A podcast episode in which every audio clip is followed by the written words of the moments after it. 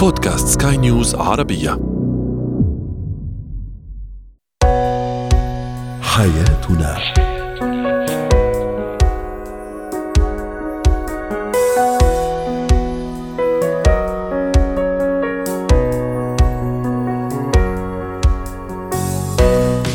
مستمعينا الكرام أهلا بكم معنا إلى حياتنا فضاؤكم اليومي الذي يعنى بشؤون الأسرة وباقي الشؤون الحياتية الأخرى والذي يمكنكم الاستماع إليه.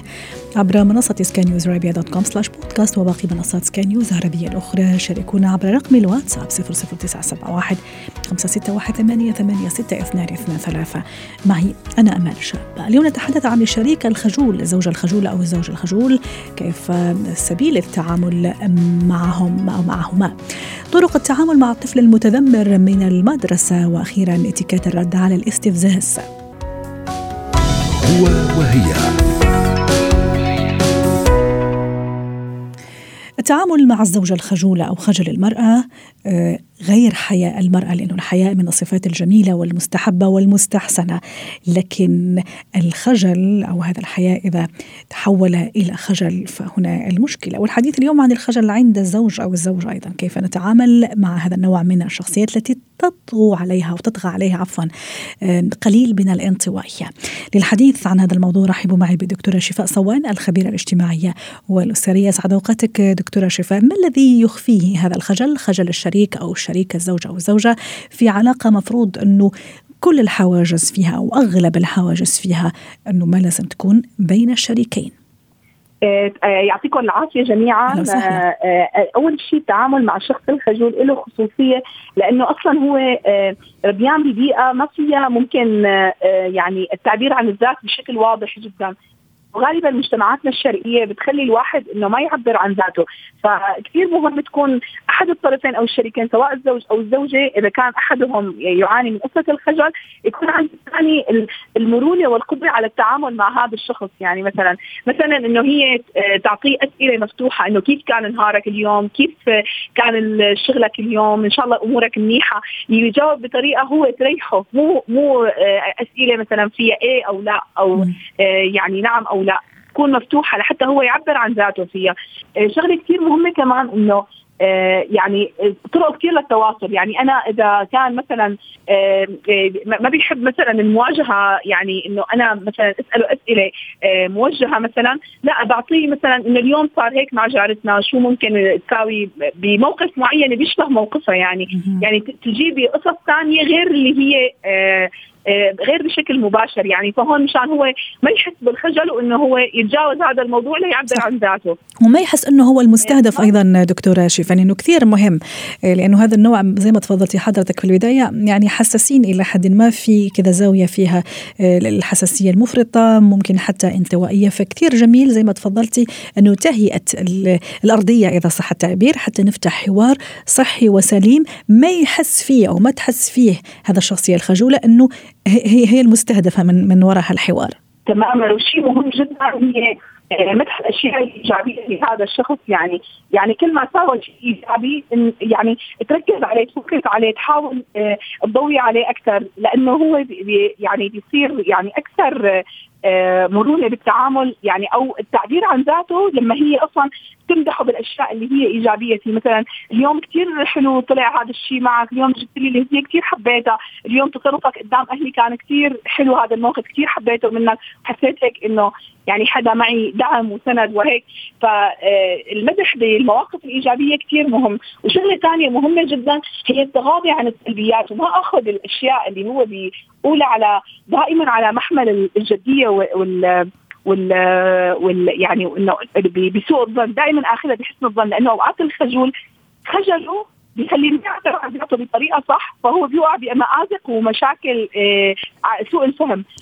تفهمه لهذا الشيء هذا بيخليه كمان يتجاوز قصه الخجل فيما بعد. رائع. وأيضا التفاهم راح أضيف عليه شغلة أخرى دكتورة شفاء هو موضوع الصبر لأنه فعلا التعامل مع الشخص الخجول يعني يتطلب صبر وصبر منه قليل يعني صبر شوية طويل لأنه حتى يستطيع هذا الشخص التقرب من الطرف الآخر الخجول.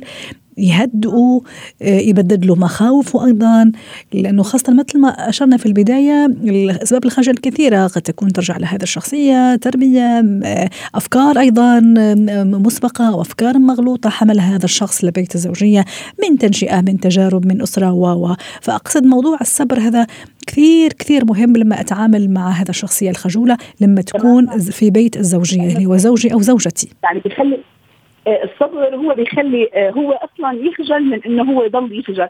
يعني آه، صبر المرأة أو صبر على هذا الرجل الخجول اللي دائما خجلان دائما ما له عرفان يتصرف بمواقف معينة أو ممكن يتصرف بمواقف خاطئة. صدق تكرار على الحب. كم الحب هي تعطيه على هذا الشخص هو اللي بيغير. دائما الحب بيغير كثير من شخصيتنا. فدائما لما نحن بنحب حب غير مشروط وغير محدود لشريكنا للشخص الاشخاص اللي بحياتنا للناس اللي بيتعاملوا معنا وقتها نحن بنكسر حالة الخجل والرهبة لأنه الخجل يأتي أصلا من الرهبة. يعني هو الرهبة والخوف. يعني الخوف من إنه أنا ما أكون غير مرضي للآخرين خوف إني أنا ما أكون مرضي لزوجتي خوف إني ما, ما مرضي يكون بعملي فهو نابع من الخوف. فعكس الخوف هو الحب. فأنا لما ببدل مشاعر الخوف اللي هو عند هذا الشخص الخجول مشاعر الحب والثقة الحب الغير مشروط إني أنا بحبك سواء عملت هذا التصرف أو ما عملته. سواء آه، آه، سويت معي هذا الشيء يعني آه، موقف معين قدام أهلي قدام عيلتي قدام رفقاتي أو أنت ما سويته بجوز إنه هذا الموقف يعني بيلزمك اجتماعيا بس لا أنت ما سويته بس الفكرة الحب الغير مشروط هو اللي بيخلينا دائما نغير طباعنا وأشياء كثير سلبية بحياتنا وثقتنا بالشخص اللي نحن بنحبه كمان. يعني كثير مهم. لهيك بيقولوا بالتربيه لما الأهل بيذموا الطفل هو أكثر حدا بيعني له المدح هو أهله مو الناس. بذموه فهو هون بينكسر شيء جواته. بينما الحب يجب أن يكون يبدأ من من أقرب الناس لنا وأقرب الناس للشريك هو الزوجة يعني طبعا. دكتورة شفاء حتى نختم أيضا مع حضرتك إلى أي درجة الوقفه الجادة مع مع نفسي أنا كشخص خجول؟ أي نعم الناس ممكن تساعدني وأقرب الأشخاص لي زوجي أو زوجتي راح يساعدني راح يمد لي يد المساعدة لاطلع من هالمشكلة. لكن الوقفه الجاده مع نفسي أنا كشخص خجول إلا ما راح أعرف إنه هذا خجلي عم يأثر على حياتي على علاقتي مع الطرف الآخر. آه هذا الوقفه الجاده وهذا الاعتراف إنه في عندي خطأ. كمان هو طريق مهم نحو نحو الحل. أهم شيء الصدق مع الذات. أهم شيء إني أنا راقب ذاتي. بعلم النفس أول شيء لحتى نغير شيء آه، تصرف أو سلوك معين الملاحظة إنه نلاحظه. شغلة ثانية إنه نحن نحاول إن يعني مثلا أنا بالوقت اللي بغلط فيه أو بالوقت اللي بخجل فيه بالوقت اللي أنا بتصرف تصرف سلبي فيه فأنا شو الأفضل طريقة إني أتصرف بهذا الموقف؟ حط البديل دغري مباشرة. فلما الإنسان بيحط البديل فهو أول مرة ممكن يوقع بالقصة الخجل ثاني نعم. مرة ثالث مرة بيتجاوزها. ممكن حدا يتنمر عليه لفظيا أو يتصرف معه تصرف سلبي فهو أول مرة ما بيعرف يتصرف ثاني مرة بيعرف أكثر. فهو بيشوف الحسن والأحسن. أنا أفضل طريقة ممكن بطريقة يكون هو حد شوي. لا الحدودية مو منيحة يرد ينزل على التوازن يعني. دائما اخطائنا هي اللي نحن بتعلمنا مو غلط إنه نكون خجولين أو غلط إنه نحن نغلط. الغلط إنه نستمر بهذا الغلط أو الشيء السلبي اللي نحن بحياتنا شكرا لك دكتورة شفاء صوان الخبيرة الاجتماعية والأسرية ضيفتنا من دمشق ونعتذر عن رداءة الصوت من المصدر. زينة الحياة أيضا بمناسبة الدخول المدرسي حابين اليوم كمان نرجع بموضوع عنده علاقه بهذا الحدث المهم في الحقيقة في حياة أطفالنا أولادنا وحياة الأسر أيضا أولياء الأمور اللي هم يعني مع مع الأولاد يعني ساعات طويلة. ابني يتذمر من المدرسة سواء بعد عطلة مدرسية طويلة تعود فيها على المرح على اللعب على الاستيقاظ في وقت متأخر ما في ضوابط. على الأكل زي ما بدوا لكن رجعنا المدرسة ورجعت القوانين والقواعد والضوابط أيضا. رحبوا معي بندى شاهين الاختصاصية النفسية والأسرية والتربوية. أيضا ضيفتنا العزيزة يسعد أوقاتك أستاذة ندى. كان هذا سؤالنا التفاعلي كيف تتصرف إذا تذمر ابنك من الذهاب إلى المدرسة؟ تعليق يقول أتبع الخطوات الآتية بالترتيب. أولا استخدام أسلوب التشجيع بزيادة مصروف المدرسة مثلا إبلاغ الطفل بأن مدرسه يسأل ويهتم فيه وأنه مسرور أيضا لرؤيته تذكير تفكيره بزملائه كيفية قضاء وقت الاستراحة. آه، إشعاره أيضا بأنه عدم ذهابه راح يزعل الماما يزعل أمه. وأخيرا آه، أفرض عليه بعض العقوبات مثلا آه، ما أعطي مصروفه أو ما أسمح له للعب خارج المنزل. أستاذة ندى كيف أتعامل إذا طفلي تذمر من المدرسة؟ مثل ما أشرت سواء لأنه كان في عطلة مدرسية وتعود على هذه الراحة أو لا إحنا رجعنا عادي وعم ندرس عادي لكن في بعض التذمر أحيانا. أهلا بيكي. أهلا وسهلا. خليني أقول لك على حاجة. لما الأطفال بيبدأوا المدرسة بتلاقيهم يا إما بيكونوا مثلا كسلانين مش قادرين يصحوا الصبح بدري. مش قادرين إن هم لسه يروحوا ويبدأوا اليوم بتاعهم وهيبقى متخيلين إن هو هيكون يوم طويل مفيش لعب ومفيش المرح اللي هو بتاعهم اللي هو كان موجود في وقت الأجازة حتى إحنا لما بنكون في ال weekend ورايحين راجعين تاني على الشغل يوم بداية الأسبوع بيبقى الواحد عنده زي كسل كده شوية في الأول وده طبيعي. بس خلينا نحاول نفهم السبب أه. الأساسي أو الرئيسي إيه لل... لل... للتذمر ده. رائع. يعني مفيش طفل بيتذمر من لا شيء. فدايما بتنحصر في أسباب معينة. خليني أقول لك كم سبب آه، يمكن ده اللي بيجتمع عليه معظم الأطفال. جميل. علشان كده شوية بيبقى في صعوبة إن هم يروحوا الصبح المدرسة أو إن هو يبقوا عايزين مش مقبلين قوي على اليوم الدراسي بتاعهم. دايما آه، بيبقوا خايفين من آه، بعض الناس في المدرسة. خلينا نقول ممكن بعض الناس دول ممكن صحابهم. في ناس معينين بيضايقوهم شوية أو مش متعودين عليهم أو مش حابينهم مش مستلطفينهم فده بيكون زي حاجز. ممكن يكون حاجز تاني خايفين من المدرسة نوعا ما. التيتشر في المدرسة مثلا آه، بتكون عندهم هم يمكن تخيلات عنها أو بيكون بالفعل هي مثلا شوية شديدة أو شوية آه، داخلة واخدة الموضوع جد فهم مستغربين أو لسه متعودين على الهدوء في البيت أو مثلا هم مرتاحين فحاسين إن هم زي في حمل أو في شيء كبير داخلين عليه. وفي حاجة تانية ودي منتشرة جدا مع الأطفال الصغيرين خصوصا في السنوات الأولانية هي إن هم هيبعدوا عن الأم والأب. قلق الانفصال. نعم. الخوف الانفصال ويبقى إن هم يعني ماما وبابا هيوحشوني أو أو هقضي وقت طويل بعيد عنهم. رائع. فمهم انتبه نعم. إيه. أستاذة ندى معلش حضرتك ذكرتي هذه الأسباب اللي فعلا لازم ناخذها بعين الاعتبار لكن إذا مثلا السبب اللي آه، سقناه في البداية اللي هو تعود على الراحة والنوم ثلاث أشهر. ومدري إيش وفرح ومرح لكن بس أول يوم ثاني يوم ثالث يوم لا شعر إنه في ضوابط وفي قوانين. كيف أشجعه؟ كيف يعني أخلي هذا التذمر لا يقلب لشيء حلو لحب ورغبة إنه يروح المدرسة طيب خلينا نتفق على إن إحنا لازم نفهمه هو رايح المدرسة ليه. يعني أنت ليه كل يوم بتروح المكان ده؟ هل عشان أيوه لأنه في بعض الأطفال يقول لك أنا كل يوم أروح المدرسة. خلاص يعني تو ماتش عرفتي؟ وسمعناها كثير من أطفالنا أولادنا الصغار. صح. فمهم إن أنا أفهمه هو ليه بيتعلم أو إيه الهدف أو الغاية من العلم. رائع. وخلينا نشوف إيه الترتيبات اللي ممكن تحصل لو أنت ما اتعلمتش. لو أنت فضلت قاعد في البيت وأنا سمعت الكلام وقلت لك خلاص خليك قاعد في البيت تلعب طول الوقت. طب لما تكبر مش انت نفسك تطلع مثلا دكتور مهندس مدرس دكتور ايا كانت الحاجة اللي انت نفسك تطلعها لازم في الأول نتدرج في الناس نتعلم حاجات حاجات لحد ما نوصل للهدف بتاعنا ده وإن انت تطلع الحاجة اللي انت نفسك فيها دي. كمان مهم إن هو يفهم إن هو ربنا مش خلقه علشان ياكل ويشرب وينام وخلاص. لازم كلنا الهدف الأساسي من إن إحنا موجودين كلنا على الأرض إن إحنا بنتعلم علشان نقدر نفيد الناس اللي حوالينا عشان نقدر هيلاقي حد يساعدنا. ابتدي بقى أقول له بص حواليك تخيل لو أنت ما عرفتش تروح السوبر ماركت تجيب مثلا الحاجة اللي أنت بتحبها. خلي بالك الطفل بالنسبة له الحاجات المهمة هي مثلا ممكن العصير أو الشوكليت. دي الحاجة اللي ممكن بالنسبة له حياة أو موت. فاقول له مثلا تخيل لو مش هتقدر إن أنت تجيب الحاجة دي. أو تخيل أنت مش هتقدر لأن مفيش حد الشخص اللي بيشتغل جوه ده ما تعلمش وما عملش فبالتالي ما قدروش يفتحوا مصانع فبالتالي ما قدروش الدنيا تتعمر وتكبر م. نفس الموضوع معاك انت محتاج ان انت انت دورك مهم في المجتمع انت بني آدم لازم اي بس هذا كمان راح يفتح نقطة أخرى معلش أنا راح أقاطعك فيها كمان يعني هذا هذا الأشخاص اللي عم تبيع وهذا كمان يعني عندها أسبابها وعندها يعني قصدي إنه ما أفهمه لأنه هذا هناك لأنه ما تعلم كمان. ممكن هو يكون تعلم بس ما لقى فرصة عمل على فكرة فقط لافتح لافتح قوس. يعني الفكرة أستاذة ندى يعني وصلت إنه لازم أفهمه إنه قديش مهم إنه يتعلم قديش مهم إنه ياخذ ياخذ شهادات. موضوع آخر أنه كثير مهم يا أستاذة ندى ما أخلي طفلي يقطع علاقته بالمدرسة بمجرد انتهاء العام الدراسي. بمعنى أذكره بأيام جميلة في المدرسة بموقف جميل حصل معه أراجع ممكن أجمل ذكرياته في العام الماضي حتى أرجع أحببه مرة أخرى فيها ويدخل وهو مبسوط وهو حاب أنه يشوف أصحابه ويشوف مدرسينه. نعم. وكمان ممكن مثلا أخليه أحفزه أجيب له حاجات مثلا معاه ياخدها يشاركها مع أصحابه في المدرسة.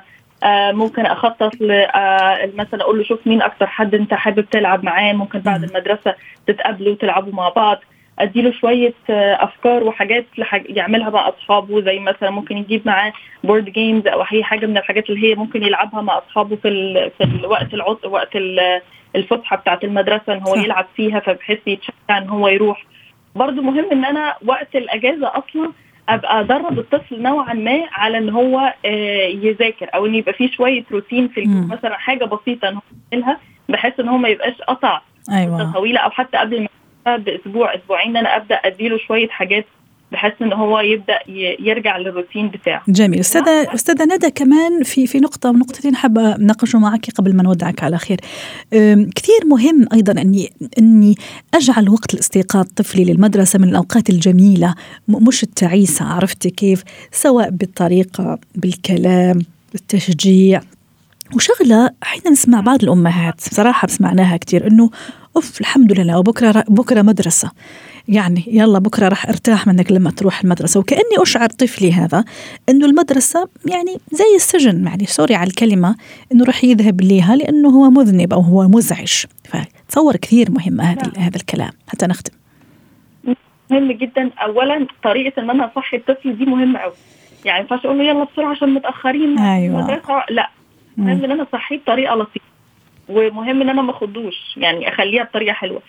برضه من الحاجات الحلوة إن أنا ممكن اظبط له منبه بحيث إن هو يبقى عارف إن ده ميعاد المدرسة. صح. ما يبقاش مخضوض. اصحيه بأغنية بكلمة حلوة بطريقة بدلع مثلا حاجة معينة كلمة آه، زي اسم معين بيحب هو يسمع منك فانده آه وابتدي مثلا آه أقول له يلا حبيبي يلا عامله لك الفطار الجميل اللي بتحبه أو مثلا آه أذكره بكم حاجة هو بيحبها هي جاهزة مستنياه. إن هو عشان يقوم ويلا هتاخدها دلوقتي وأنت رايح المدرسة. مهم قوي الطريقة بتاعته وهو رايح علشان ما نقفلهوش من أول اليوم من قبل ما يصحى من النوم. إن أنا أمهد له الموضوع بطريقة لطيفة إن يلا ده ميعاد المدرسة وخليه يبقى صاحي مبسوط. وبرده مهم قوي إن أنا أبقى أقول له على الحاجات الإيجابيات الحلوة اللي هو هيقابلها في المدرسة.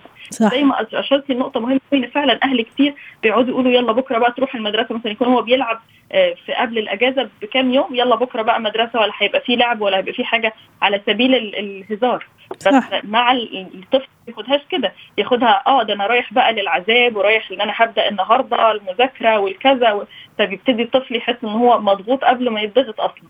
فلأ مهم إن أنا أقول له يلا أنت رايح تتعلم حاجات جميلة جديدة يلا أنت رايح تحقق أهدافك مهم إن أنا أحط معاه أهداف. للسنة بتاعته ما يطلع. يلا انت السنة دي لو هو لسه صغير هقول له تخيل انت مع على آخر السنة هتبقى بتعرف تقرأ وتكتب. أو مثلا السنة اللي بعدها هقول له لو لسه ما خدش مثلا جدول الضرب هقول له شوف انت على آخر السنة دي هتبقى عارف إزاي تعمل جدول الضرب كله وهتبقى فاهم الحاجات دي كلها وابتدي اديله أهداف كده صغيرة هتبقى شاطر في النقطة دي والنقطة دي لو مثلا عندكم الكتب متاحة من الأول صح. على آخر السنة هتكون عرفت واحد واثنين وثلاثة فابتدي أشجعه وابتدي أفتح المدارك بتاعته ان هو داخل على شيء جميل ومحفز ليه وحاجة هيطلع منها باوتبوت كويس صح وكمان أستاذة ندى موضوع التشجيع بمعنى مثلا لما ترجع من المدرسة راح تلاقيني مثلا طبخت لك شيء طيب تحبه مثلا أكلة طيبة بتحبها راح نعمل نشاط مثلا في المساء. فأكيد كمان إنه هذا راح يحببه ويرغبه لأنه عارف إنه لما راح يرجع في شيء جميل في انتظاره. أصلا هو لما رايح المدرسة كمان زي ما حكينا من البداية يعني حببوا في المدرسة علموا الأهداف يعني السامية من من التعليم. هذه كمان راح تخليه آه، كثير مقبل عليها. شكرا لك أستاذة ندى شاهين أسعدتينا اليوم بهذه المشاركة وأتمنى لك أوقات سعيدة. كيف كيف أرد على الاستفزاز؟ ما اتكات الرد على الاستفزازات؟ رحبوا معي بناتالي أندراوس خبيرة الاتيكات مساء الخير ناتالي أهلا وسهلا فيك. في أشخاص ممكن يستفزوك آه، يقصدوا استفزازك ممكن أشخاص ما يقصدوا الاستفزاز. في كل الحالات أكيد في طريقة ورد حتى أكون عندي هذا الثبات الانفعالي مثل ما بيقولوا وأرد بطريقة جميلة آه، تحفظ هدوئي وتحفظ شخصيتي أيضا. كيف أرد؟ خلينا نقول مثلا الاستفزاز المتعمد ثم نروح لغير المتعمد. دائما أمل بموضوع الاستفزاز ما ناخذ الأمور بطريقة جدية آه، ولا ناخذ الأمور بطريقة شخصية. آه، نعرف إنه دائما في ناس ممكن تقصد إنه تعمل استفزاز لشخصنا لتطلع الأبشع اللي فينا. وهون ضروره إنه الواحد يتحكم بالمشاعر تبعيته وما ياخذ الأمور بطريقة شخصية. وقتها إنه بتاخذي أنت بتشيلي شخصك من الموضوع بتبطلي أنت يكون في عندك ردة فعل قوية وبالتالي بتخف ردة الفعل تبعيتك. إن كان أنه مقصودة أو إن كان غير مقصودة بكلا الحالتين أمل. آه هذا الشيء لأنه نحن بنعرف كثير منيح بموضوع الاستفزاز وقتها نحن نترك لمشاعرنا أنه السلبية أنه آه تطغى على تصرفاتنا. رح يصير منا تصرفات أنه غير لائقة وغير حلوة. وهذا الشيء رح أنه يشوه صورتنا تجاه الآخرين. فنحن دائما بموضوع الاستفزاز وقتها نحن بنشيل الموضوع الشخصي من الموضوع تلقائيا. بتخف المشاعر المشاعر السلبيه اللي ممكن نحس نشعر فيها آه، نتيجة طيب. هذا الاستفزاز. بس نتالي في الجهة الأخرى في أشخاص ما بيقدروا. يعني الكلام رائع جميل اللي عم تحكيه نصيحه من ذهب ذهبية لكن بعض الأشخاص لا. يحاول يحاول كل ما يقدر يحس إنه الكلام موجه له. وفعلا أحيانا يكون الكلام موجه له مثلا. في طريقة بتنصحينا فيها حتى نحافظ على هدوءنا واتزاننا ومثل ما قلت تبقى صورتنا لائقة ومهذبة وأكيد قوة الشخص المحترم والمتوازن أكيد تكمن في كتم غيظ وضبط انفعالاته. آه، إذا كنا نحن بالشخص يعني عم نكون متواجدين آه، بالوجه معه لشخص صار في هذا الاستفزاز. الأفضل أنه آه، نطلب أنه نحن نغير الموضوع أو نحن نسعى انه نغير الموضوع.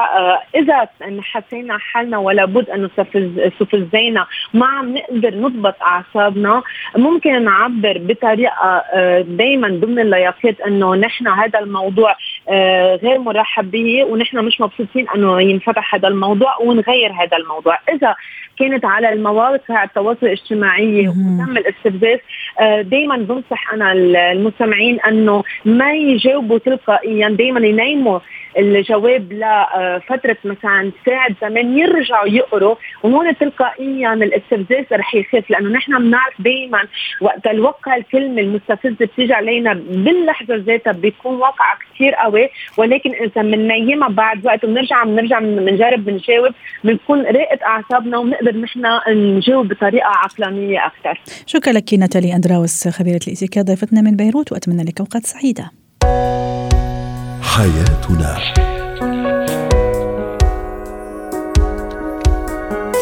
ختام حلقة اليوم من حياتنا. شكرا لكم وإلى اللقاء.